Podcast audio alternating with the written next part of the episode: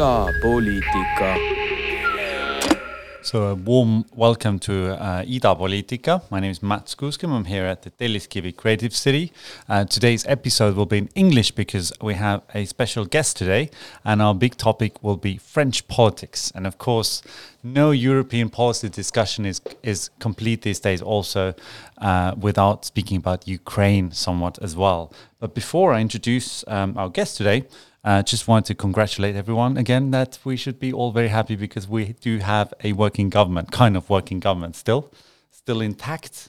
Uh, and uh, we won't have, you know, be seeing an Ekre Ike coalition re-emerging any, well, at this moment at least.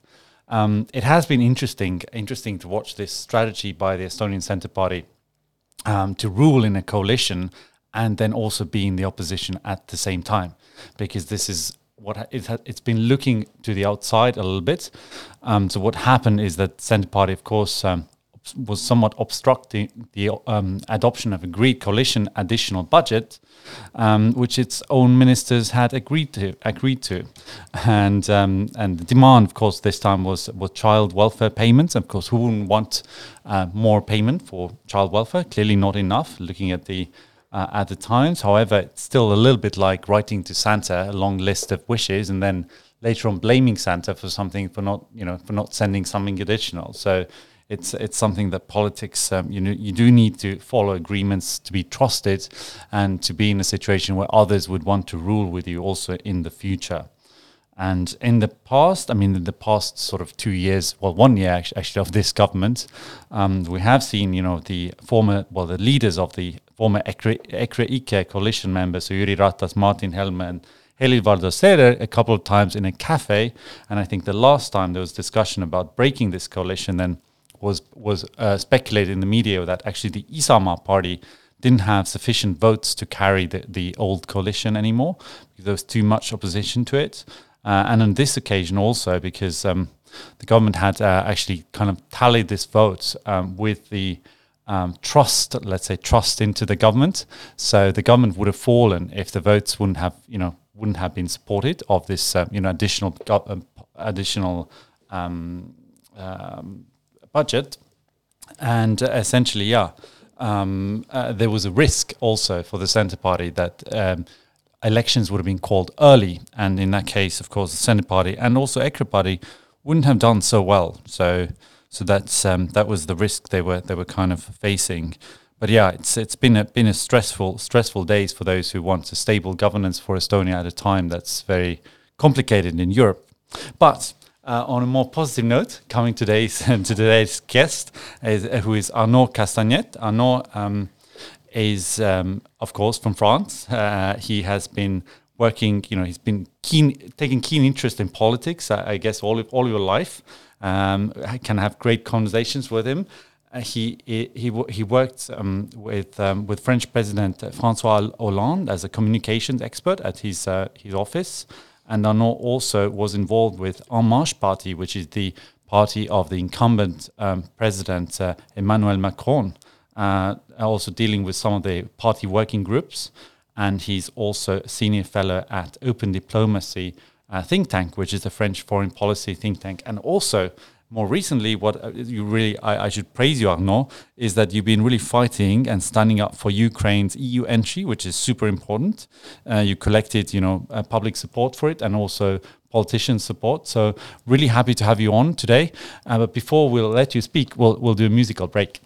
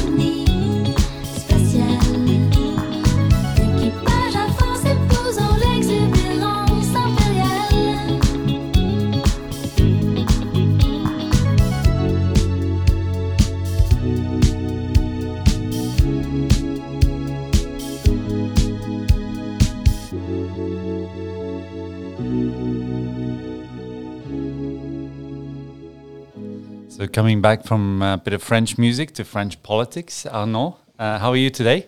Very good. Thank you very much for inviting me, Matt. And uh, what I forgot to mention that you're actually currently working for an Estonian startup company, so doing PR but promoting our, our country and our economy. So that's thanks for that.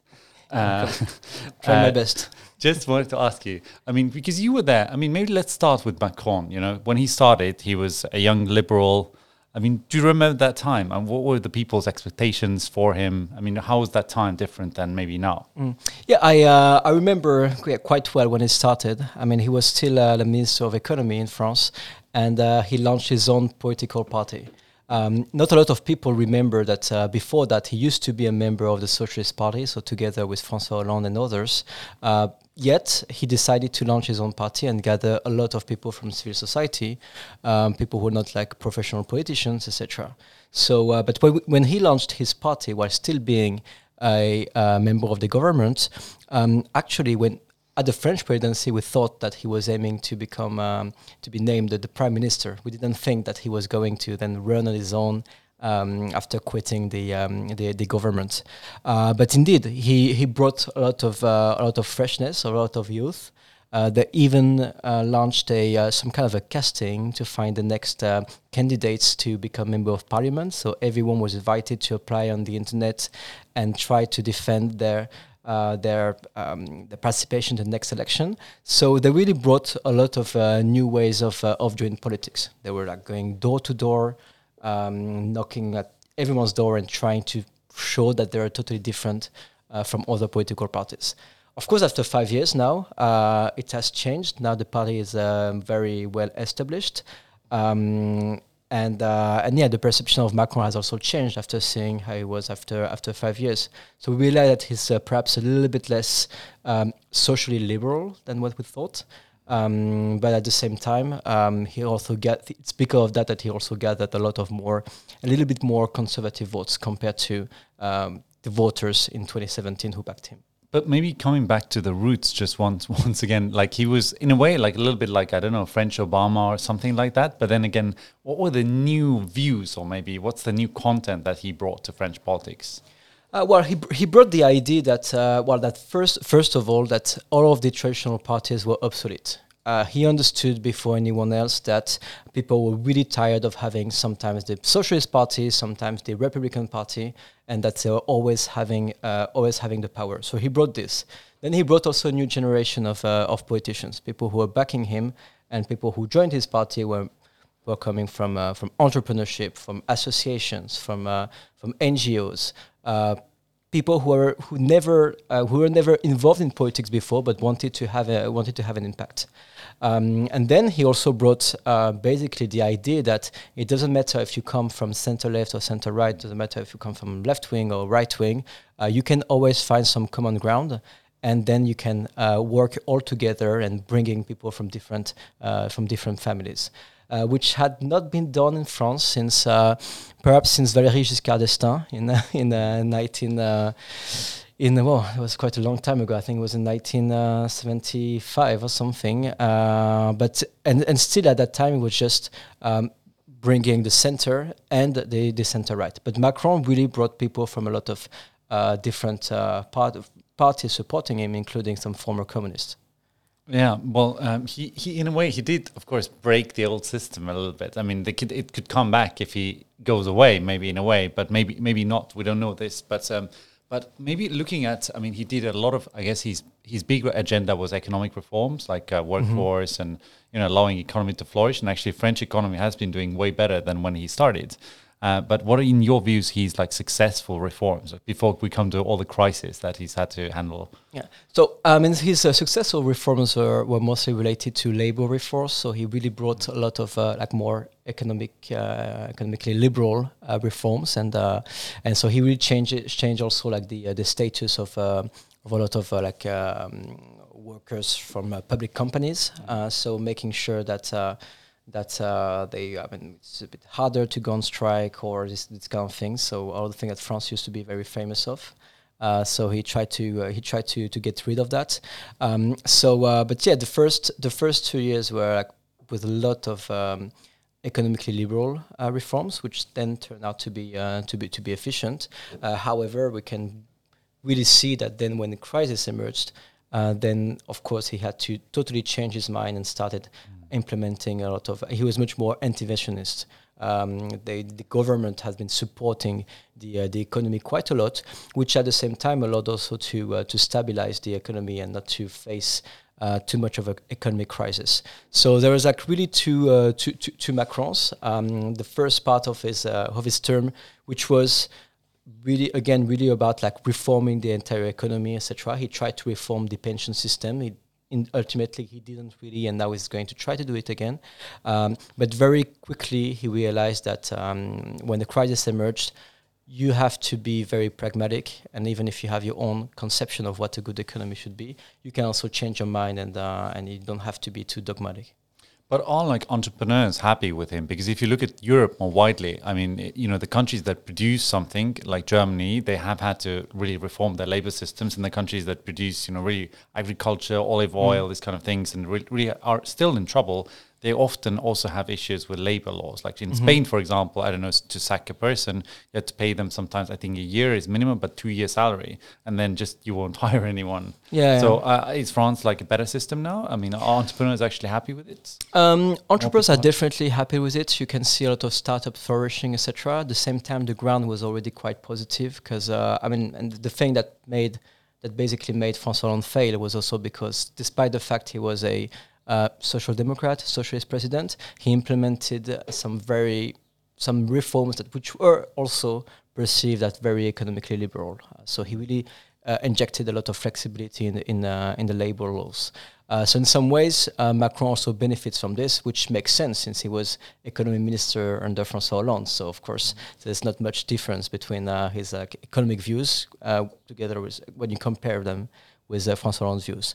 But overall, I would say that indeed it's um, and France is a pretty uh, it's a much easier uh, country to. Uh, for an entrepreneur now, um, the ground for like all the things like French Tech, etc. All these kind of networks already existed before. Mm. Um, so uh, I mean, it's uh, he's just leveraging on them.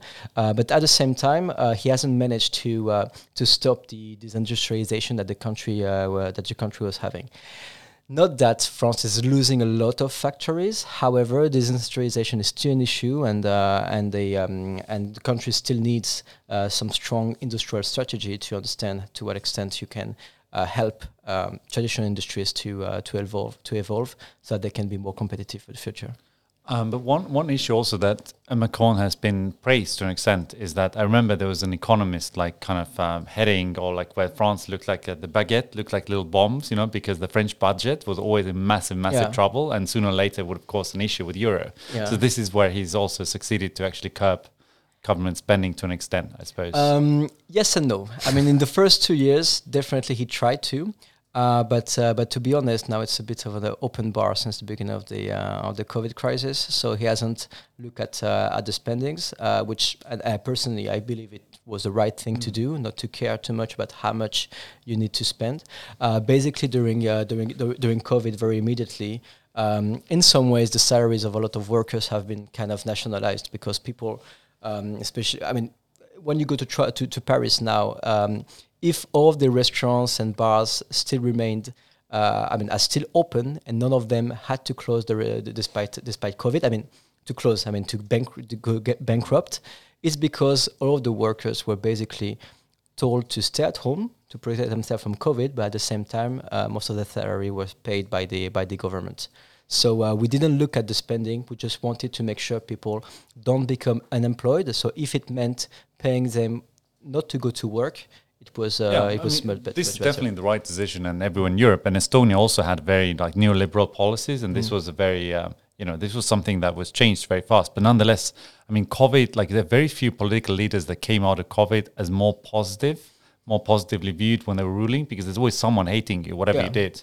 You either didn't close enough, or you you know you close too much for most for a lot of people. Yeah. There was like these unhappy groups. So I, I I suppose he also lost support with COVID. Would you say or? He did not lose support uh, with, COVID. Actually, he was more popular after after the end of the entire COVID crisis. He was more popular than before, but also just, just by spending a lot of money, broadly Uh, saying. yeah, by, by protecting by protecting people. I mean, un- unemployment is still much lower than it used to be five years ago. So people look, people look at that. I think people are also a bit uh, um, thankful that uh, that yeah, I mean, they managed to uh, to navigate through the pandemic without having uh, without losing a job or uh, kind of things. Also, just before the pandemic, there was the yellow vest crisis. So at that time, he was quite unpopular. So, Okay. uh, all so right. of So course, yeah, he could improve from Yeah, that, exactly. of course. Um, just last thing on COVID, but France had actually very strict lockdowns. I remember my friends were saying like how they couldn't leave their Paris flat, like barely at all. And there was one guy, I think they, they said that there, some guy had uh, registered his car as a rubbish vehicle. Yeah. He could move around everywhere in Paris, but uh, but yeah, that it was very very difficult actually The for young people who yeah. want to live a normal life. the first lockdown was a little bit insane also because basically it's like when you think about that we were combining like some very strict health related policies together with the french tradition of, uh, of bureaucracy. Uh, meaning that um, the, during the first lockdown we even had to uh, print a paper um, explaining why we are going outside. We're only going to we're only able to uh, and allowed to go outside for one hour, uh, staying like I think it was like a one kilometer around your, around your apartment. So it was a little bit insane. Was just made for people to be allowed to walk the dog, but nothing more. Uh, but indeed, you had to print this document and show it to um, if there was a, if there was a police co- coming. So they adjusted it after this. I mean, for the second lockdown or the third lockdown, I don't even count how many lockdowns we had. Um, but the first one was extremely, extremely strict which was uh, funny in a way because I remember just literally one one or two weeks before that uh, first lockdown, we're looking at the Italian news and say, "Oh, it's this is never going to happen. Uh, we don't need to close the economy. We are much better organized than than the Italians, and uh, it's really sad what they're doing." Uh, but we're never going to have to uh, to choose a very extreme solution. I remember my, my first reaction to it because I'd, I'd lived in China for a long time and, and, and my, re- my I was really copying China. Like, why are we doing this? Uh, that was my first reaction, of course. But I remember um, one of my friends told me that uh, I think about Belgium, that Belgium also had a rule that you could have a cuddle buddy over, like uh, you were allowed, uh, but you could change the cuddle buddy, I think once a month or something like that. It was an interesting system to, uh, with COVID. But yeah, in any case, moving on to next topics. But uh, Yellow Vest movement, I mean, this was very much about um, petrol prices and, and, and kind of like, because of course Macron's agenda, green, uh, tackling climate change, but France also a very agricultural country actually. So a lot of people maybe less educated, less focused on this, but actually their their big cost was petrol. Um, so how did that come about?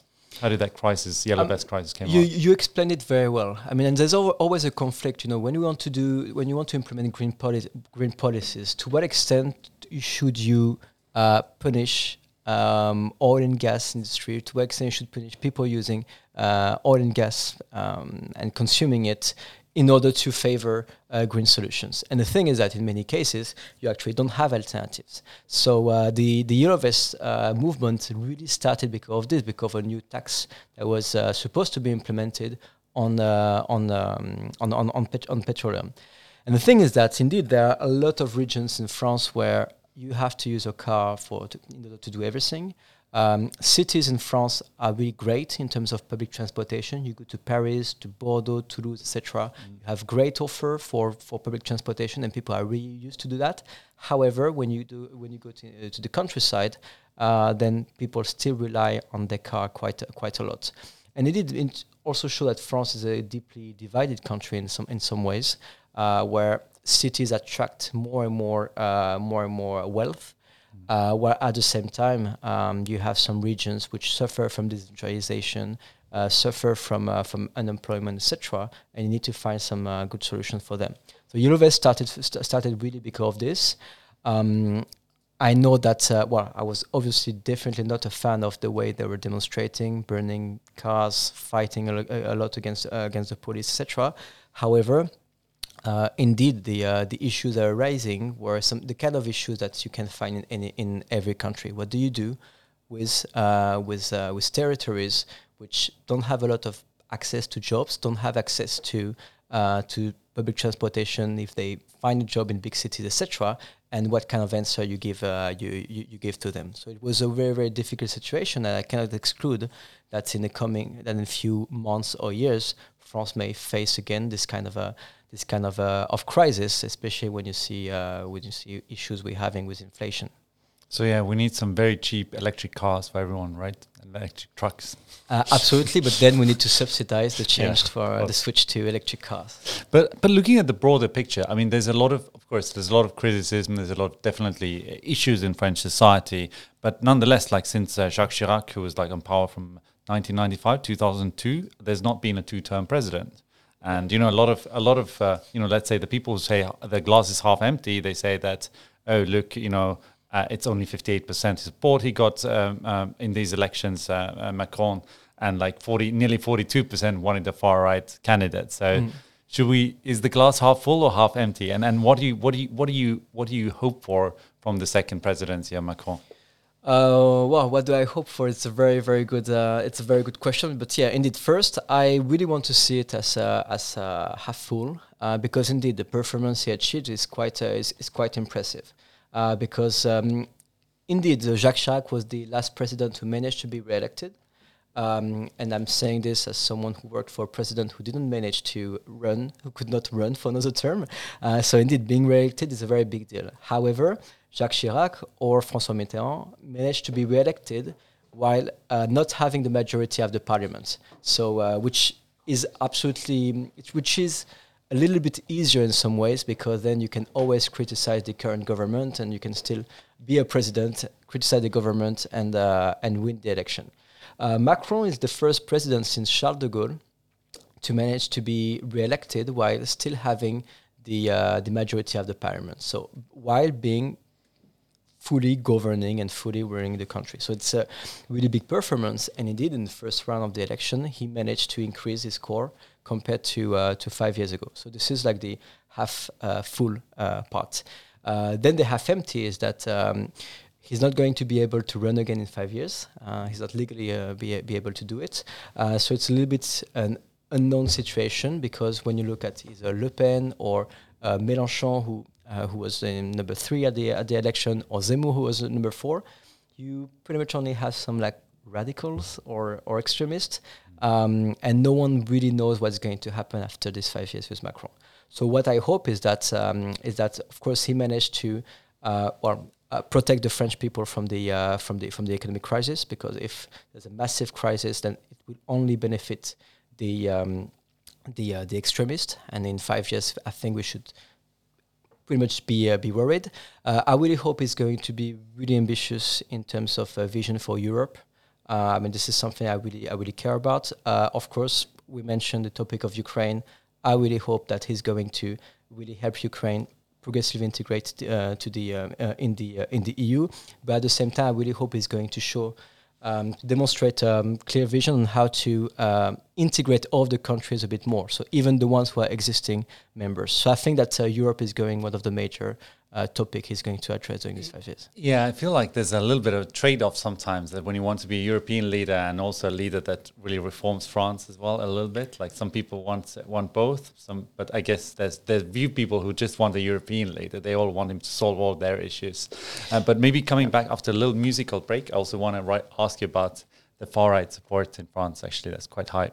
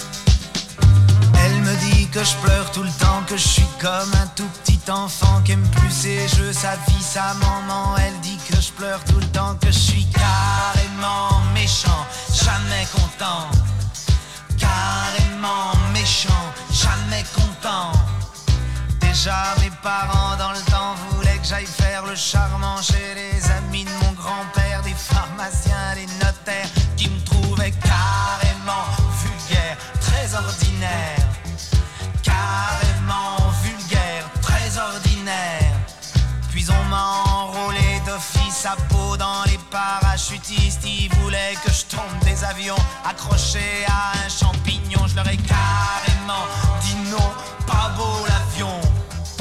Carrément dit non, pas beau l'avion. Je me suis sauvé en Angleterre, je faisais le Frenchman super lover, je me teignais les cheveux, les sourcils pour être plus brun, pour faire viril.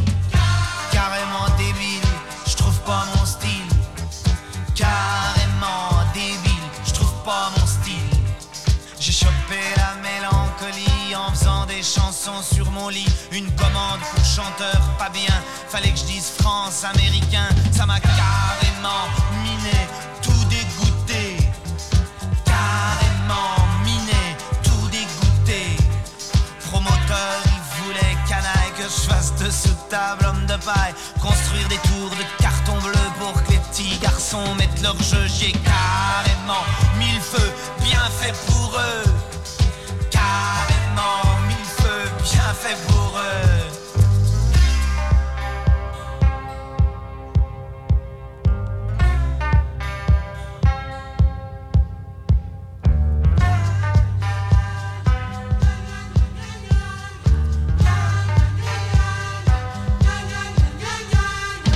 Elle me dit que je pleure tout le temps, que je suis comme un tout petit enfant qui aime plus ses jeux, sa vie, sa maman. Elle dit que je pleure tout le temps, que je suis.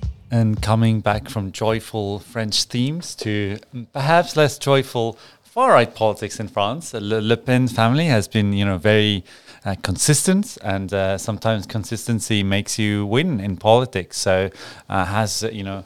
Uh, Marine Le Pen has, has gone quite far. Uh, I mean, she nearly got 42% of vote uh, this election. So there's sort of there's a lot of glass half full people um, and people not happy with the current government. Maybe my big question to you is that how many of these votes are actually protest votes, and how many of these votes generally want a Marine Le Pen uh, government for France? Mm, that's a one million euros question. Um, actually, you know, it sounds uh, it sounds a bit strange, but I believe that uh, it's becoming less and less a protest vote. Uh, there are more and more people who are actually very enthusiastic about uh, about Marine Le Pen and about supporting her. They are really hopeful. Uh, they believe she's going to solve all of their issues, and, uh, and actually, she, it has been quite impressive to uh, to see uh, the way she interacts with people because she looks very uh, she looks like a common person. Uh, she looks very friendly, very very warm. Uh, despite the fact she was raised in in a castle or something, um, but but yeah, she really managed to connect with the with, with the with the population, and which makes her, of course, even more even more dangerous. Um, the thing is that in terms of uh, in terms of program and reforms, she kind of uh, changed a little bit the, topic she she focused on.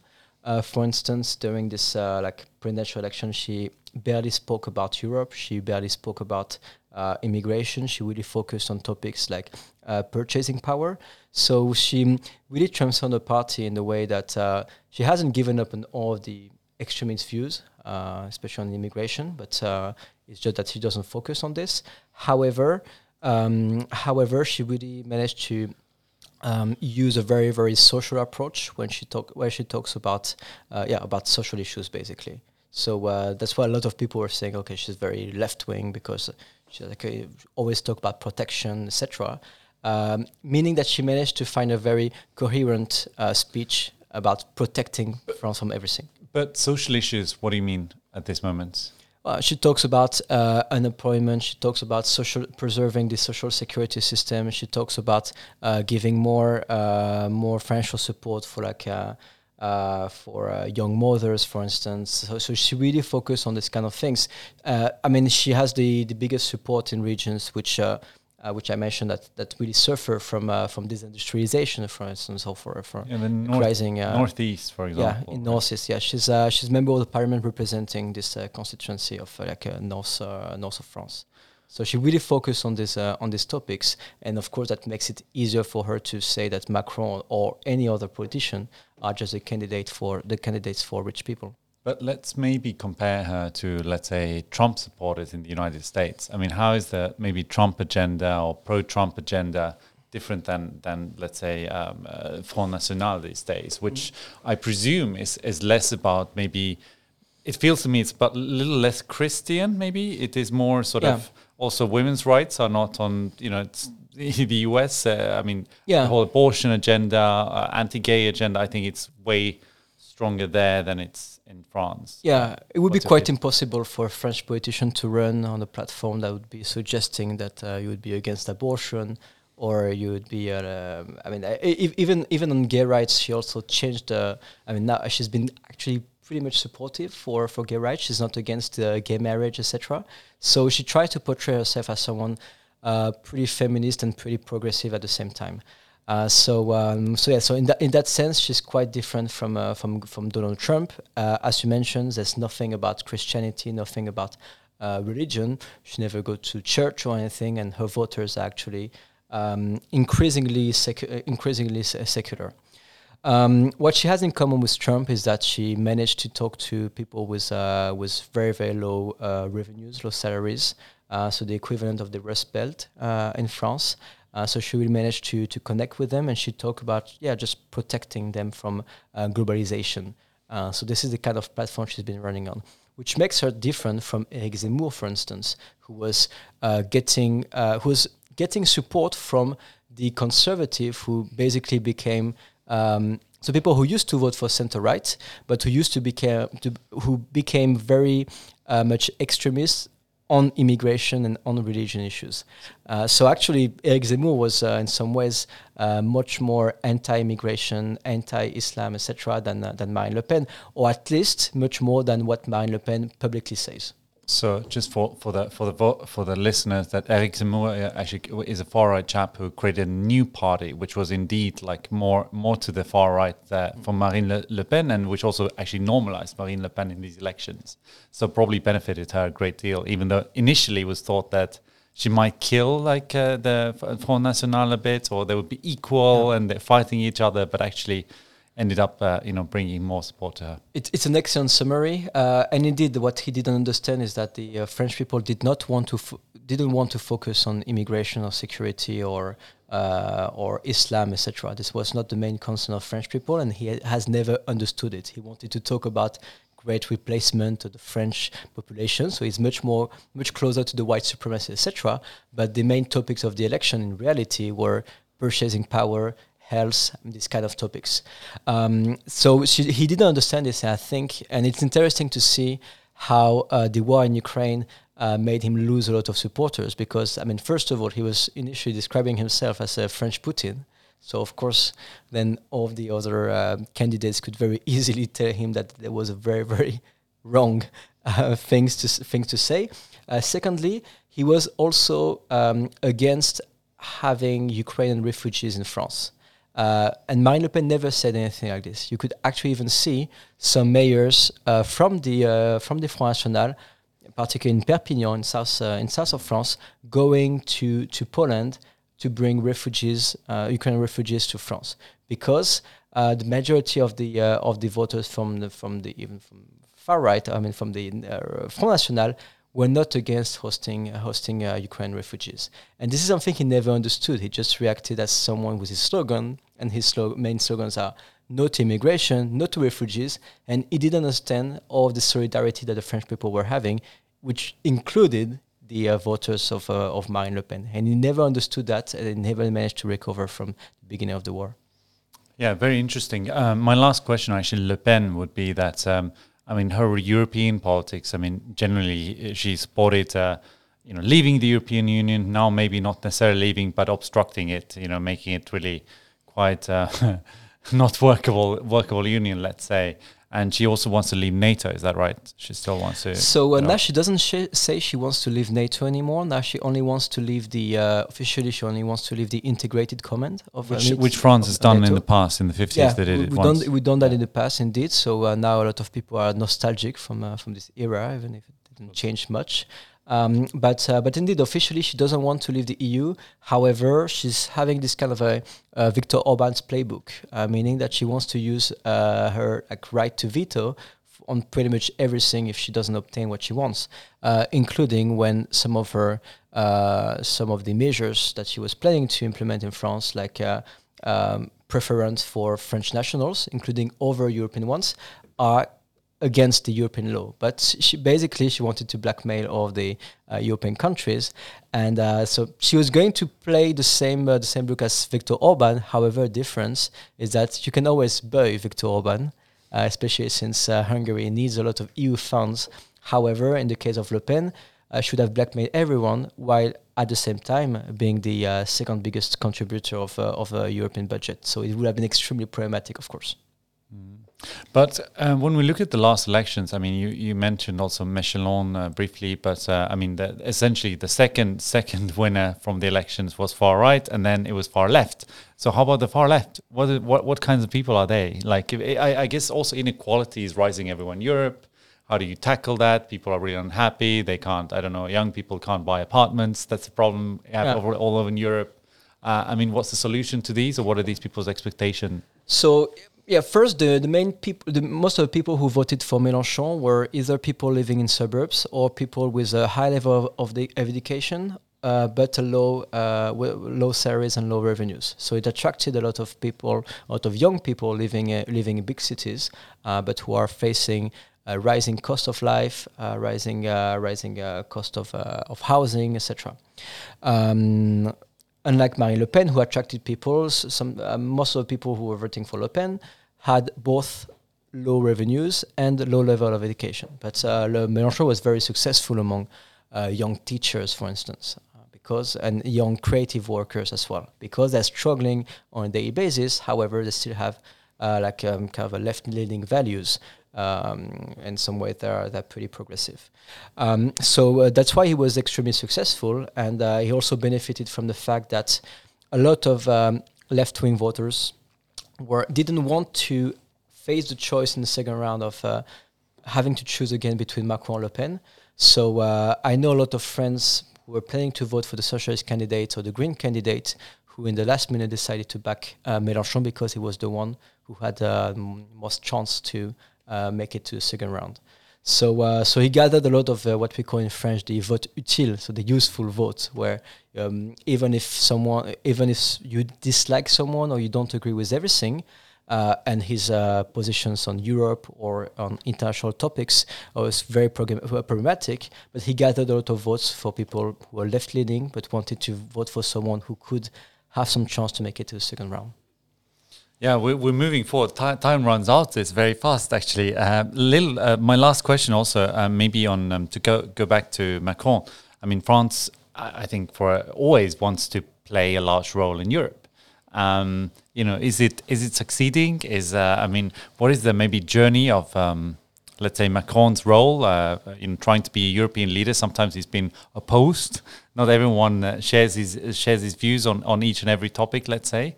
Um, but especially on, on, on Russia. I mean, have have also the French people has Macron changed his view on Russia to an extent? Um, you know, if I compare uh, with uh, with 2014, uh, for instance, with uh, when uh, when Russia invaded Crimea and invaded invaded um, um, Donbass, I think things have improved. I mean, at that time, I don't know if you remember, but so um, five years earlier. Uh, under Nicolas Sarkozy, France sold like massive warships, uh, Mistral warships, Mistral, to, yeah. to, to Russia just after the uh, invasion of Georgia um, in, tw- in 2014, um, and I remember that because I was working for the French president. Um, François Hollande decided to uh, cancel the, the plane sale uh, of these warships, and a lot of politicians in France were criticizing him. They were saying, "Oh, we signed a contract with Russia. Even if they're invading Ukraine, we should still deliver those warships." Uh, meaning that, I mean, right now, if François Hollande would not have um, cancelled this uh, this sale, right now we would have had French warships who are going know, to bomb Odessa or, or be used to uh, to invade uh, Odessa, etc. So things. I mean, at that time, most of the French politicians were against stopping cutting economic ties with with Russia. So things have improved. Um, However, I'm also like um, um, totally aware that uh, that um, the fact that Macron always says that we need to speak, we need to talk with everyone. Uh, I understand it can be very annoying for everyone, uh, but he's generally like this actually, and, uh, and I'm pretty sure he's never going to change. That doesn't mean he wants to uh, compromise. Doesn't mean he wants to, uh, but it's just that he's someone who likes to uh, talk, even if we have like very very different views, even if we disagree with everything uh, on everything. He believes that you need always to keep to keep dialogue on. That's why he's been talking a lot with Putin, even if they disagree on many things. I understand, but also he wants to play a world leader, of course, and be in the center. And sometimes it really doesn't add value. I, I, I presume, yeah. Mm. yeah, for the but at the same time, yeah. France is always going to think that it has a role to play on uh, on any foreign policy topics. It has like the second biggest diplomatic network in the world. Um, so they have Fr- any French president will always be like this, and uh, and otherwise they would be they would be criticized. However, uh, my personal belief is that eventually uh, France also has to choose. I mean, you cannot, uh, being a supporter of um, of uh, European sovereignty, and at the same time sometimes feel at and at the same time. Um, feel at odds with the rest of with the rest of Europe on this. You cannot say we support European sovereignty and at the same time we want to have our own French original voice and talking uh, directly to uh, to to Russia or any other country, etc. So you have to choose. If you can't be the leader of Europe and at the same time having this like Gaullist uh, view and tradition of uh, France having its own single voice in Europe. Also, I mean, France's relations with with Estonia actually has uh, evolved a great deal. I mean, France initially, for example, they were supporting quite enthusiastically Romania's entry to the EU because they are a Latin-speaking country, but not so for Estonia, uh, which uh, you know it was incomparably more advanced in any criteria that you have for the European Union. And now, if you look, I mean, Kaja Kallas and Macron like discussing a lot, working working together um, uh, Estonian uh, forces in Mali as well, with the, serving with the French and French forces in Estonia. So kind of military thing, which is you know maybe not the first thing people think in terms of politics, but but also there. Uh, and Estonia having a better like digital kind of cloud to it. I mean, how are Estonia? How is Estonia viewed in France, and how are uh, Estonia-France relations doing? So um, the bilateral relations are actually pretty uh, pretty good. I think they've never been as uh, as good as it is now. Um, indeed, Estonia has a very positive image in France. Of course, not everyone knows a lot about Estonia, but the, the one who knows uh, about Est- who know about Estonia, they heard about innovation, and they know that Estonia is the probably the most innovative uh, country in the region. So uh, so it's the, the image is, uh, is is very positive, and no one is directly criticizing the fact that France has some soldiers here. So relations are quite um, are quite good. We can see also that on on the defense sector, there's a lot of uh, there's a lot of more cooperation going on. But even on on the diplomatic side, actually, France has been paying much more attention to the Baltic uh, to the Baltic region in the last uh, in, in in the recent years, and including uh, during the current uh, war in uh, in Ukraine. I know that sometimes there's still some like divergence on topics. However, uh, they uh, France is paying much more attention to the Baltic region. But it's the same also in terms of engagement with um, with uh, with Sweden, for instance. France has uh, has um, a lot of defense partnership with, with with Sweden. So in the entire Baltic region, France is paying more attention. And also uh, France has been trying to uh, to increase the level of engagements, for instance, with Poland, uh, um, with uh, what we call the uh, Weimar format, with France, Germany, and and Poland. Also, the engagement with the B9. So, France is trying to uh, now um, compensate for the fact that for many years there was not a lot of diplomatic engagement in the region, but but now they they they're trying a lot, a lot. Having said that, of course, there's still some some divergence, but I really believe that uh, interests are getting more and more aligned on many topics. Yeah, I, I, I would also agree, and I also I think France has kind of coped with the EU enlargement now because they realized Europe is larger and they have actually genuine connections there. But yeah, we'll do a little musical break and then we'll talk a little bit more about Ukraine. J'écris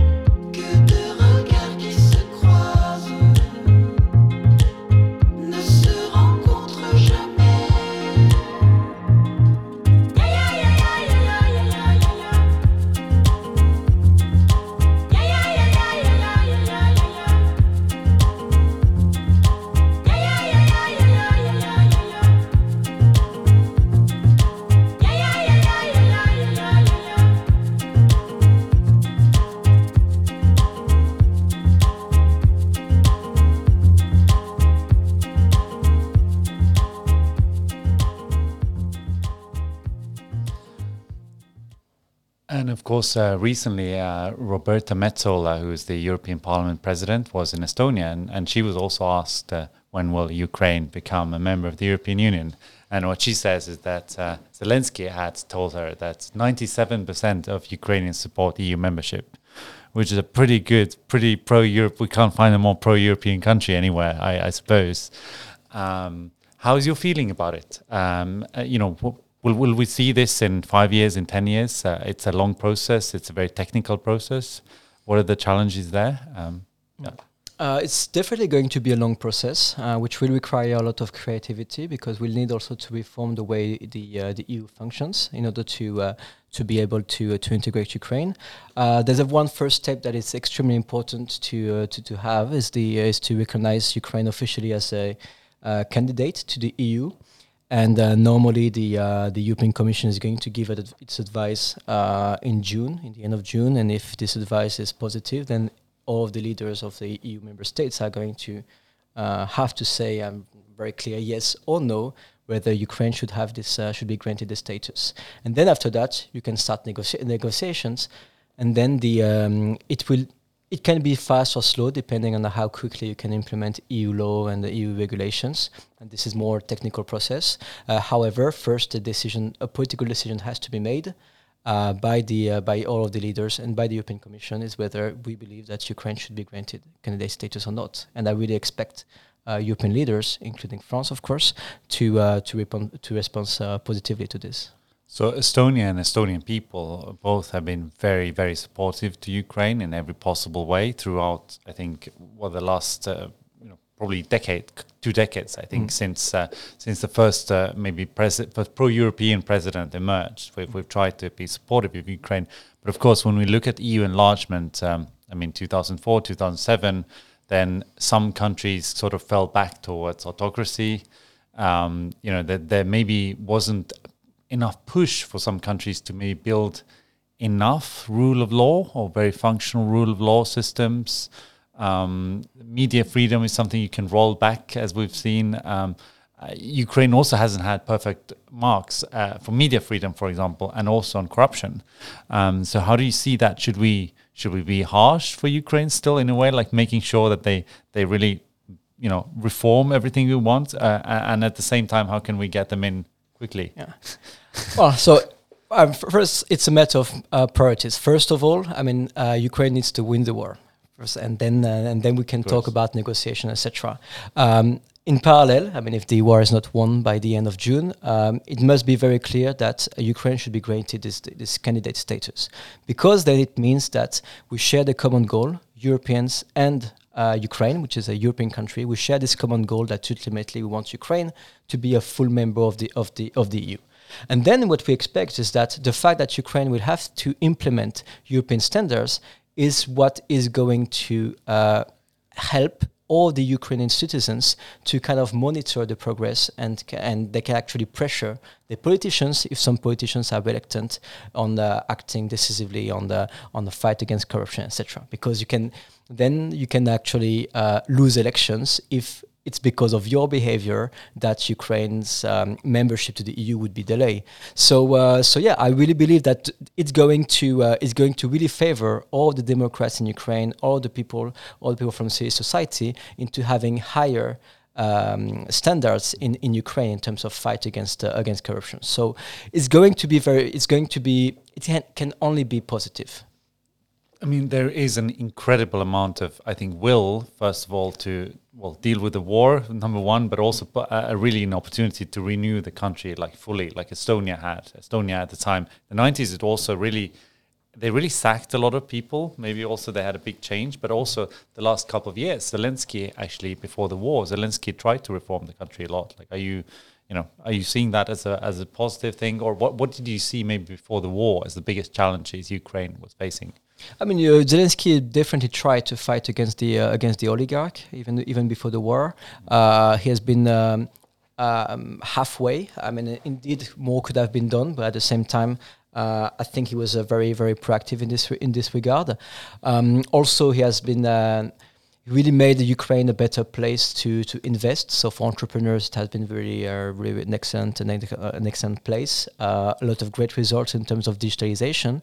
But the thing is that uh, eventually, I believe that granting Ukraine uh, the um, membership of the EU is going to appear as the most rational decision for, for everyone. It just makes sense because what's going to happen after the war, uh, after uh, after the end of the war, Ukraine we have we have to be entirely rebuilt. It's going to be like uh, like what Western Europe situation was just after World War II. So you start and you need to uh, you need to rebuild everything. Of course, Europe is going to pay um, to pay for, for, for most of it. Maybe you're going to raise, I don't know, 600, 700, 800 billion euros. Then we're not just going to give this money to, to Ukraine government and say, okay, deal with that, implement whatever you want. Of course, we're going to monitor, we're going to have very close uh, relation. And, and, and in, that, in that case, the best way to do it very efficiently is to have the closest relationship as possible and to immediately start implementing all of the EU standards. So I think it's going to be the best choice, both in terms of moral, political, symbolic, and also in terms of uh, economic reasons. Yeah, I, I- have no doubts. I mean, the, the, I think more the question is how and what kind of enlargement, in a way, right? Like, it's an obvious uh, no-brainer to that we'd, we'd love to see Ukraine in Europe. Uh, but essentially, what you're saying is that we need a new Marshall Plan, kind of, for Ukraine, and this is something that uh, one former president Ilves of Estonia sometimes says, you know, who says sometimes quite divisive things. But one thing he said is that after the fall of communism, there was no Marshall Plan for these economies that completely failed. Yeah. And there was, in a way, a reason why maybe very small ones, very close economies that could integrate with the Nordic countries like Estonia, also Latvia, Lithuania, a little bit sl- more slowly at the time, we managed to sort our countries, integrate, do it very well. Whereas, like some larger, more faraway countries like Ukraine, has had a lot of issues with democracy and well, less with democracy, but with governance. Uh, Russia, you know, completely fell back to autocratic uh, regime. So, um, so this was something that was broadly missing actually um, in the 1990s. Yeah, and which brings me, and now I'm going to wear my French hat, but it also means that Europe will have also to reform the way the way it has uh, the way the way it functions, because it's not going to be possible to to pay so much money for reconstruction of Ukraine without thinking about how much financial resources you have in Europe. It cannot come only from uh, from the EU budget, uh, and can't come only for a certain group of countries which are like the main uh, contributors to it. So we have to reform this. We have to to reform the veto rule. We have to because we see with Hungary that it's extremely problematic for everyone. So we have to make all of this uh, reforms now functioning, which is why, as I was saying earlier, the interest of countries like Estonia who are pushing in favor of uh, integration of Ukraine and countries of um, and countries like France who are pushing in favor of reforms in the uh, in the EU, this this um, these interests are going to be much more aligned in the future. That's why I'm quite optimistic. Yeah, we have one minute left, um, and just for the for the listeners as well, is that Arnaud's initiative. I think you collected two hundred fifty thousand um, kind of um, signatures for a petition for, for Ukraine to join the EU. Um, however, uh, my question is, uh, did you you know who are the people against it? Is there is there a consensus in Europe that we need whether Ukraine should be accepted to Europe, or are the people against it still? Yeah. Well, I mean, there are, there are some opposition from people who are thinking like boring accountants, saying that uh, if we do it by the book, it will take too much time, and uh, and we should not grant the status right now. Uh, the petition was in favor of giving this granting the status um, uh, first, uh, but I think that we need to find this creativity. We're facing an unprecedented uh, situation, so um, I really believe that it's time for a lot of European leaders to really understand when history is knocking at our door.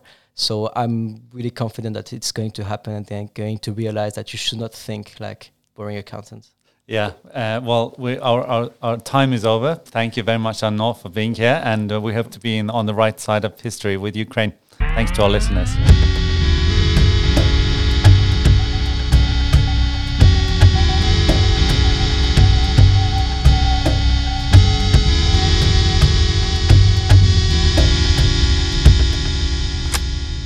Idapoliitika